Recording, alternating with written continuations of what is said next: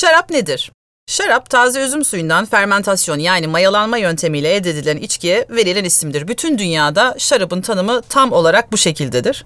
Tanımdan da anlaşılabileceği gibi aslında e, şarap dediğimiz şey sadece ve sadece üzümden üretilir.